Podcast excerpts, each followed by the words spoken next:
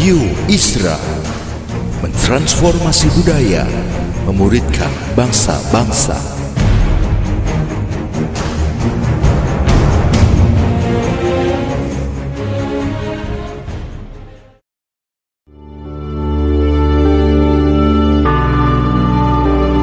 Apostolic Prophetic Messages mengungkapkan pesan dan arahan dari hati Tuhan bagi gerejanya demi menuntaskan mandat kerajaan Allah di Indonesia dan bangsa-bangsa. Selamat mendengarkan.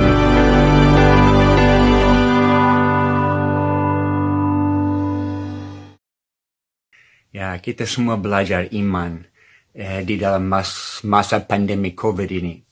Uh, dan saya baru dengar statistik bulan lalu mengenai bunuh diri di Indonesia yang meningkat dalam uh, pandemi ini karena orang rasa besok tidak akan lebih baik daripada hari ini.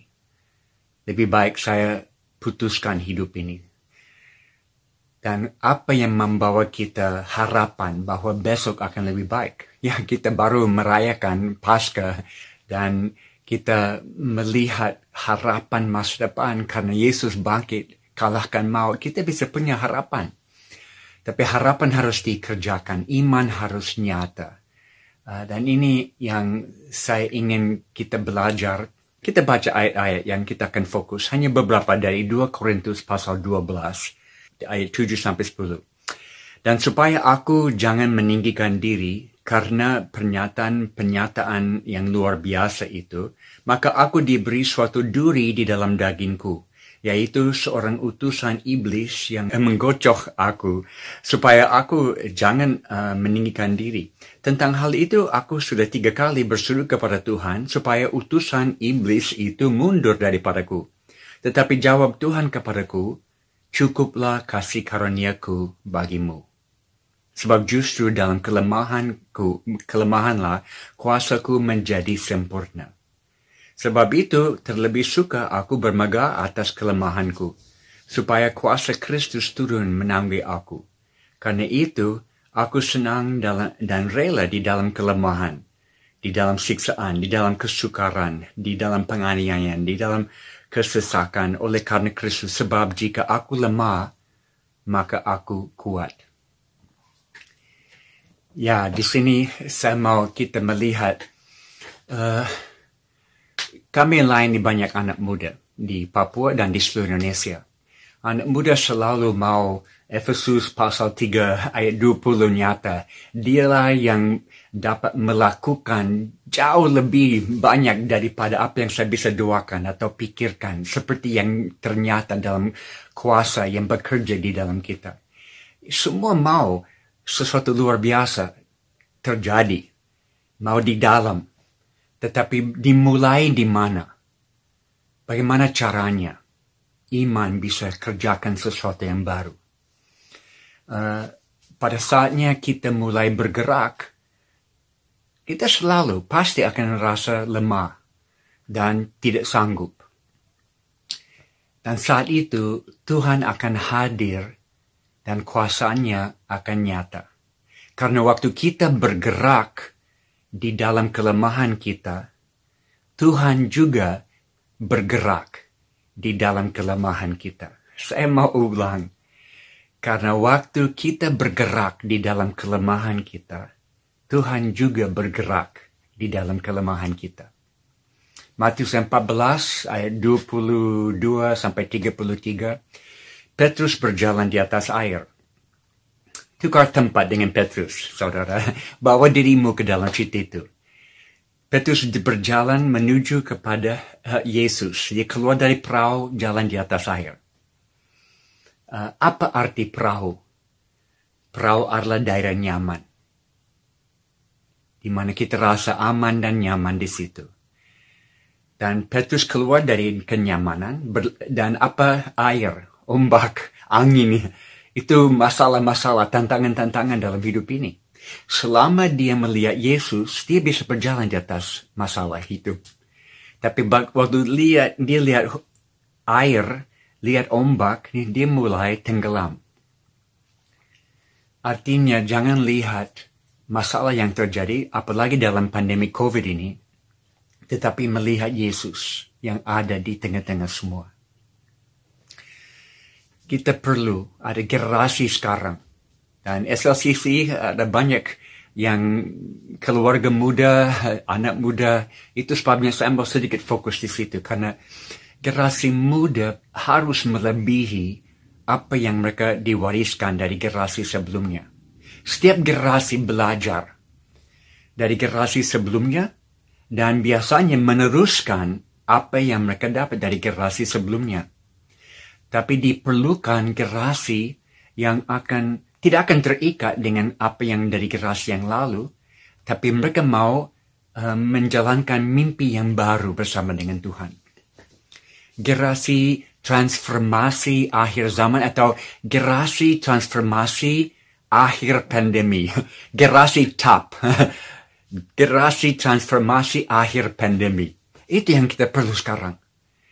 Uh, tidak bisa tunggu. Semua akan baru. Tidak akan kembali ke old normal. Ini new normal. Jadi generasi transformasi pujian penyembahan. Di mana pujian penyembahan bukan sekitar nyanyi dan entertainment. Tapi sekarang adalah komunikasi dua arah bersama dengan Tuhan. Transformasi doa. Doa bukan daftar belanja yang kita bawa semua permintaan berkat kepada Tuhan. Tapi doa adalah doa yang menangkap hati Tuhan untuk penuaian yang masih ada di sekitar kita. Transformasi komunitas. Komunitas bukan sekitar uh, ibadah di rumah banyak bicara ibadah di rumah dalam saat pandemi ini. Dan itu baik, tapi transformasi komunitas berarti keluarga di mana pemulihan hidup terjadi dengan beberapa orang. Bisa dua, tiga, atau tujuh, tidak harus banyak-banyak. Jadi ada transformasi yang kita perlu tangkap sekarang pada akhir pandemi. Generasi lalu, my generation, atau DSLCC, uh, ada yang mungkin lima puluh tahun di atas uh, generasimu 80% mau ikut gereja. Tapi hari ini hanya 12% mau ikut gereja dan dari mereka hanya 3% yang sungguh-sungguh. Jadi uh, kita tidak bisa tunggu generasi berikut. Harus sesuatu terjadi saat ini, sekarang. Ayat 7. Uh, kelemahan kita diizinkan oleh Tuhan. Paulus mulai ayat-ayat ini dari ayat 1 sampai 6 uh, dengan riwayat hidup yang seperti lamaran kerja. Dia susun semua kekuatan dia, semua berkat dia. Uh, saya lihat hal-hal yang orang lain tidak lihat. Uh, saya alami hubungan dengan Tuhan yang orang lain tidak mengalami. Uh, tapi lebih banyak berkat saudara, lebih cenderung manusia untuk tinggi hati. Hidup waktu kita miskin biasanya lebih mulia daripada hidup waktu mm, ada berkat yang berlimpah. Uh, contoh, saya selalu waktu counsel, uh, tanya uh, counseling keluarga, suami istri, saya tanya, uh, Bapak Ibu, waktu paling indah dalam pernikahanmu kapan? Selalu mereka jawab, oh tahun-tahun pertama. Waktu kami tidak punya apa-apa. tidak ada uang, tidak ada rumah, belum ada anak, dan tapi kami punya teman hidup. Itu waktu paling indah dalam pernikahan. Ya, sering waktu kita miskin, tidak punya apa-apa, itu waktu paling indah bersama Tuhan. Karena kita belajar bergantung kepada Tuhan. Apa yang kita rasa sebagai kebutuhan dalam hidup ini sekarang uh, jauh beda dengan apa yang kita perlu sebetulnya. Baik uh, secara pribadi atau dalam pelayanan apa yang kita perlu? Oke okay, contoh. Satu kali saya ada di daerah Membramo di Perlaman Papua. Itu daerah uh, sungai ada kampung di samping sungai. Orang uh, orang-orang jauh dari kota ada beberapa pedagang yang sudah lewat, ada jualan, ada kulit buaya dicari oleh pedagang. Jadi masyarakat punya kontak sedikit di luar tapi tidak banyak. Saya masuk pertama kali dan saya tanya, apa yang kalian perlu di sini?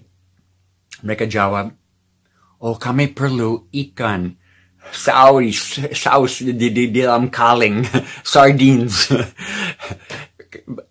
Saya bingung, mereka di pinggir kali, ada banyak ikan di kali. Tapi mereka sudah lihat dari pedagang-pedagang ikan di dalam kaleng dan mereka pikir itu yang mereka perlu. Lucu. Tidak selalu kita mengerti apa yang kita perlu. Apa yang kita mau, ya, tapi apa yang perlu tidak selalu jelas. Dan kita nyanyi, Yesus adalah segala-galanya bagiku. Tapi kita tidak tahu artinya sampai kehilangan semua dan hanya Yesus yang masih ada. Baru kita tahu. Um, apa yang apa saja yang membuat saya berseru Tuhan tolong. Itu baik bagiku. Apa saja yang membuat saya lari kepada Tuhan. Itu baik bagiku. Yang kedua, uh, kelemahan kita mengajarkan kita tentang kasih karunia Tuhan. Kelemahan adalah guru yang mengajarkan kita tentang kasih karunia. Kita dibawa keluar dari daerah nyaman. Dan baru di situ kita melihat Tuhan dengan jelas dan dia hadir dan bergerak. Ada dua prinsip yang harus kita jalani selalu dalam hidup ini. Satu, kita bersiap-siap seolah-olah semua bergantung kepada kita. Dan kita bergerak seolah-olah semua bergantung kepada Tuhan. Kita perlu kasih karunia untuk keselamatan, kita perlu kasih karunia untuk setiap langkah dalam hidup ini. Yang prinsip yang ketiga yang saya belajar dari ayat-ayat ini, khusus dalam paradigma atau gambaran pandemi COVID sekarang. Respons kita terhadap kelemahan adalah kunci membuka kenyataan pertolongan Tuhan dalam hidup ini. Itu dari ayat 9 dan 10 tadi. Orang tanya, Jim, uh, apa rahasia seseorang dapat menerima berkat yang berkelimpahan dari Tuhan. Apa rahasia? Saya jawab, dia harus siap belajar kerugian dulu, baru dia siap menerima kelimpahan.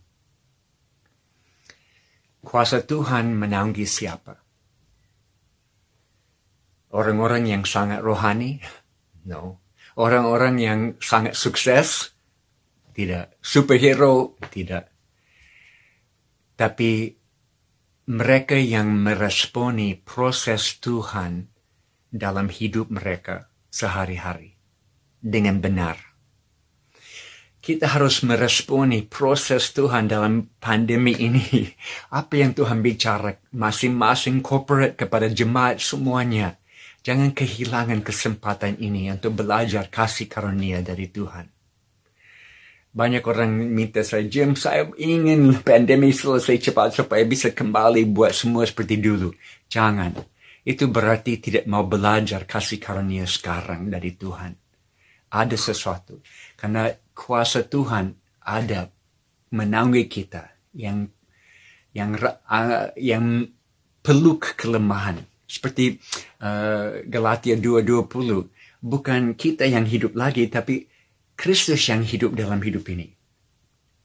Dia yang hidup, bukan saya lagi. Saya sudah mati bersama Kristus. Uh, Markus 10 ayat 17 18 Yesus dipanggil oleh satu murid datang panggil Yesus guru yang baik dan Yesus tolak jangan panggil saya guru yang baik karena waktu Yesus di dunia ini dia hanya buat apa yang dia melihat Bapa di surga buat. Dia hanya bicara apa yang dia dengar dari Bapa di surga. Dia hanya lakukan apa yang dia lihat Bapa lakukan. Dia tidak mau curi kemuliaan Tuhan. Bapa dan dia bersatu. jika saya sudah mati bersama Kristus, apa yang yang akan buat saya mau bangga? Apa yang akan buat saya intimidasi atau takut? Tidak ada. Karena saya sudah mati dan bangkit bersama Kristus. Satu contoh, Malala dari Pakistan yang dapat uh, perempuan yang dapat Nobel Peace Prize beberapa tahun lalu. Karena dia membela hak perempuan di satu daerah yang sangat keras di Pakistan di mana perempuan tidak diizinkan sekolah. Dan dia membela anak perempuan bisa masuk sekolah. Dan satu hari dia ditembak peluru masuk di muka. Dan dia survive. Dia hidup. Dan dia bersaksi seperti ini. Dibilang mereka bisa ambil nyawa saya tapi mereka tidak bisa ambil impianku. Saudara, ada impian yang kita harus punya dari Tuhan. Dan ini lebih daripada COVID, lebih daripada semua kesusahan yang kita uh, alami dalam 12 bulan akhir ini. Dan ini akan melahirkan iman yang luar biasa. Saya akan senang di dalam kelemahanku saya akan bermegah di dalam kelemahanku. Saya mau bergerak di dalam kelemahanku. Saya mau ketemu Tuhan di dalam kelemahanku. Mau bersaksi, saya hanya bisa cerita tentang diri sendiri dan apa yang Tuhan ajar kami tentang hal ini. Karena datang ke Papua dari Amerika waktu masih muda saya umur 24 istri 23 baru nikah datang ke Papua. Dan kami punya beban dari dulu untuk suku-suku yang terabaikan. Dan kami cari mana ada suku yang orang lain tidak mau masuk dan mereka tunjuk selatan daerah selatan banyak nyamuk banyak malaria tidak ada orang mau ke sana jadi kami masuk di situ dan saudara dalam bulan pertama saya dapat hadiah. Hadiah di Papua namanya malaria. Dan malaria di Papua itu malaria yang paling ganas di seluruh dunia. Angkatan Laut dari Amerika sudah buat uh, survei seluruh dunia mana ada malaria yang paling resistant. yang tidak bisa responi obat yang ada. Itu selatan Papua. Di mana kami bertahun-tahun saya dapat malaria. Bukan malaria ringan, malaria plus empat dengan menggigil, muntah, tulang mau hancur, panas tinggi, dan dievakuasi dengan pesawat air keluar dari kampung di, di perlaman, sembuh kembali dua minggu lagi, malaria lagi. Setiap dua minggu malaria, setiap bulan, dua tahun, tiga tahun, terus malaria. Saya tanya Tuhan, Kenapa saya dapat malaria ini? Apakah ada karunia untuk sakit? Saya punya karunia untuk sakit. Karena saya tidak punya teologi penderitaan di Amerika. Saya harus datang ke Indonesia untuk belajar teologi penderitaan. Yang bukan teologi kemakmuran, tapi teologi penderitaan. Di mana saya percaya Tuhan mau menyembuhkan, dan tiap kali saya berdoa untuk kesembuhan, saya percaya. Tapi kadang-kadang Tuhan delay, dia tunda, dia tidak langsung menyembuhkan supaya di dalam penderitaan, sakit, kita bisa menunjukkan wajah Yesus kepada semua orang di sekitar kita. Kesaksian akan lebih berdampak. Jadi saya dapat malaria terus, saya tidak mengerti kenapa. Uh, sampai ada ada fenomena banyak saya bers, sudah bersaksi di SLCC mengenai anak yang tenggelam di dalam air dan kami doakan dan dia bangkit dari kematian dan dari situ ada gerakan besar di di kampung kami di perlaman 80% semua percaya Yesus. Tetapi beberapa tahun sesudah itu saya ada di satu rumah bicara-bicara dengan beberapa bapak keliling api, bakar sagu, omong-omong. Dan mereka mereka tanya saya, Jim masih ingat tahun-tahun pertama waktu selalu sakit malaria? Saya bilang, ya saya ingat, tidak bisa lupa. Kami lihat Jim jatuh sakit dibawa keluar dengan pesawat. Kami pikir dia tidak akan kembali. Tapi kembali. Sakit lagi dibawa keluar, kami pikir tidak akan kembali. Tapi kembali lagi. Ini mulai bicara kepada hati kami bahwa Jim bawa berita yang begitu penting, kami harus dengar ini. Saudara bisa tangkap ini? Tuhan pakai penderitaan dalam hidup saya sebagai persiapan bagi Injil dalam hidup mereka. Dan kalau saya bisa menderita malaria supaya satu kampung, satu suku datang kepada Yesus, why not? Kenapa tidak? Itu iman. Iman yang tahu bukan hidup yang enak-enak, nyaman-nyaman. Itu bukan tujuan hidup ini. Hidup, tujuan hidup ini adalah memuliakan Tuhan setiap saat dengan semua yang saya buat. Satu hal saya sakit, hal lain anak-anak sakit. Saya punya tiga anak perempuan yang lahir besar di hutan Papua dapat malaria ratusan kali. Dua hampir meninggal dari malaria. Dalam koma satu minggu tidak sadar. Tidak ada pesawat untuk evakuasi. Kami terpaku di tengah hutan. Kami hanya berdoa dan tidak tahu mungkin ini waktu Tuhan mau panggil. Tapi akhirnya Tuhan kembalikan mereka kepada kami. Tapi tidak mudah, saudara. Saya bergumul dalam doa. Saya ada rekan-rekan misi yang tegur. Mereka bilang, jam ini terlalu bahaya di tengah hutan. Kamu harus kembali ke Amerika. Tidak bisa layani di sini. Saya bergumul. Satu hari saya berdoa, Tuhan, saya percaya bahwa panggilanmu masih ada di atas hidup kami. Dan sebagai suami dan orang tua, saya buat semua yang ada dalam kemampuan saya untuk menjaga keluarga saya. Saya harus percaya engkau akan mencukupi kekurangan saya. Dan saudara hari itu, saya dapat damai sejahtera dalam hati. Saya tahu Tuhan akan selalu mencukupi kekurangan saya. Dan saudara ketemu anak-anak saya, mereka semua senang bahwa mereka besar di tengah hutan. Kami homeschooling mereka, mereka ikut pelayanan dengan kami dari kecil, dan mereka semua sekarang punya profesi sendiri, sudah mandiri dari kami, dan dalam profesi mereka melayani Tuhan.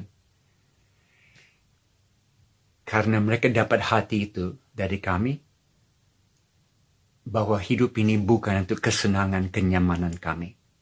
Iman yang bergerak, iman harus kelihatan, tidak hanya bisa omong, harus dijalankan setiap hari. Dengan jalan di atas air seperti Petrus. Dan akan penuh tantangan, tapi jangan lihat tantangan, lihat Tuhan Yesus. Satu lagi, waktu kami sudah lihat satu suku datang kepada Tuhan, langsung mereka jadi missionaries, menjangkau suku-suku di timur, di barat mereka, suku-suku yang dulu musuh mereka, yang bunuh dan makan orang tua mereka. Semua orang seumur dengan saya lebih tua, mereka tahu rasa daging manusia. Mereka cannibal.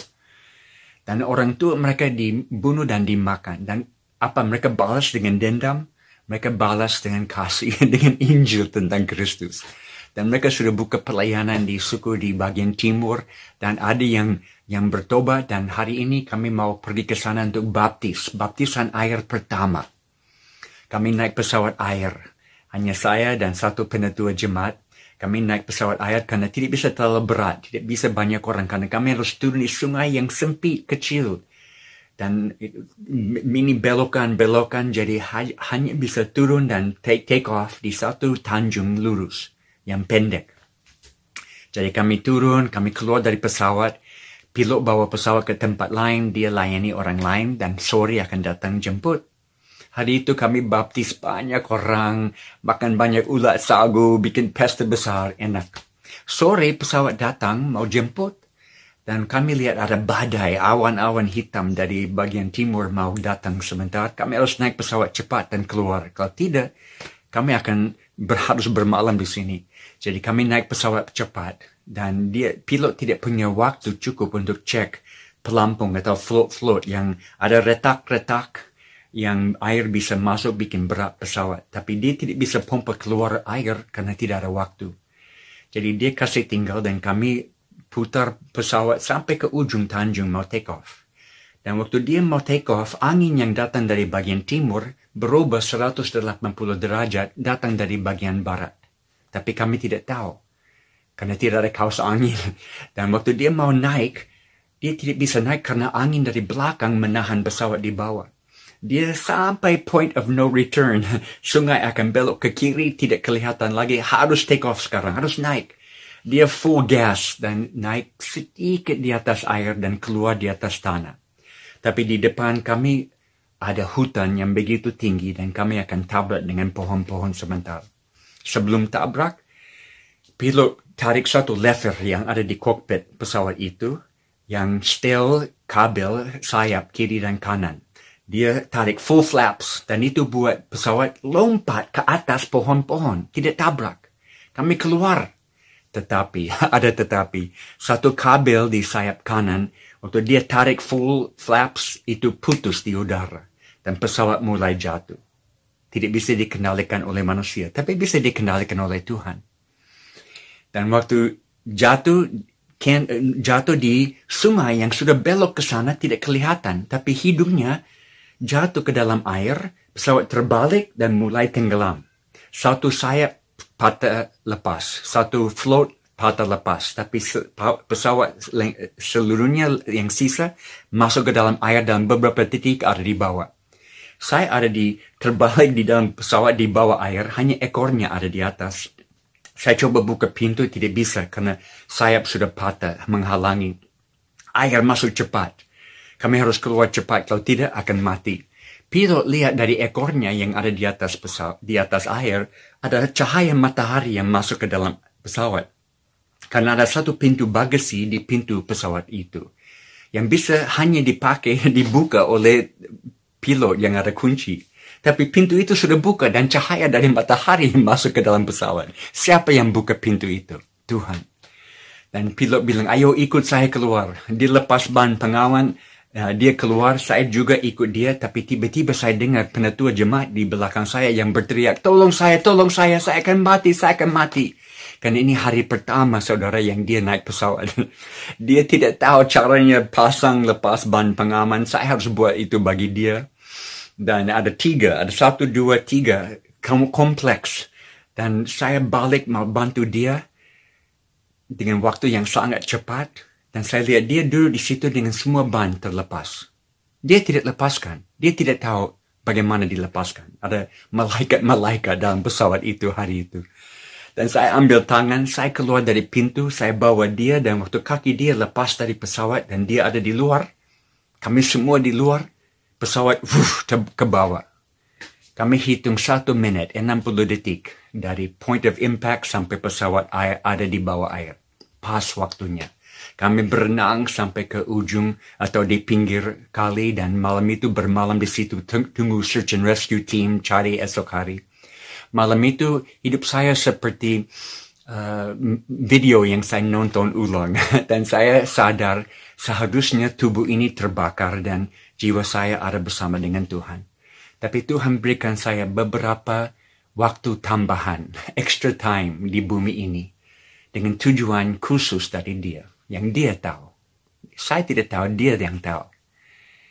Dan Kolose pasal 3 menjadi lebih berarti. Saya mau fokus dengan perkara-perkara di atas, bukan perkara-perkara yang sementara di sini. Karena hidup ini tersembunyi di dalam dia di sana. Saudara, hidup kita tersembunyi di dalam Tuhan. Iman muncul dari pusat di situ. Dan itu akan membawa kami tidak fokus dengan diri sendiri, tapi dengan tujuan hidup ini. Kami membawa sebanyak mungkin orang lain bersama kita mengenal Tuhan Yesus sebelum kita tinggalkan bumi ini. Dalam nama Yesus kami berdoa. Amin. God bless you. Radio Isra mentransformasi budaya, memuridkan bangsa-bangsa.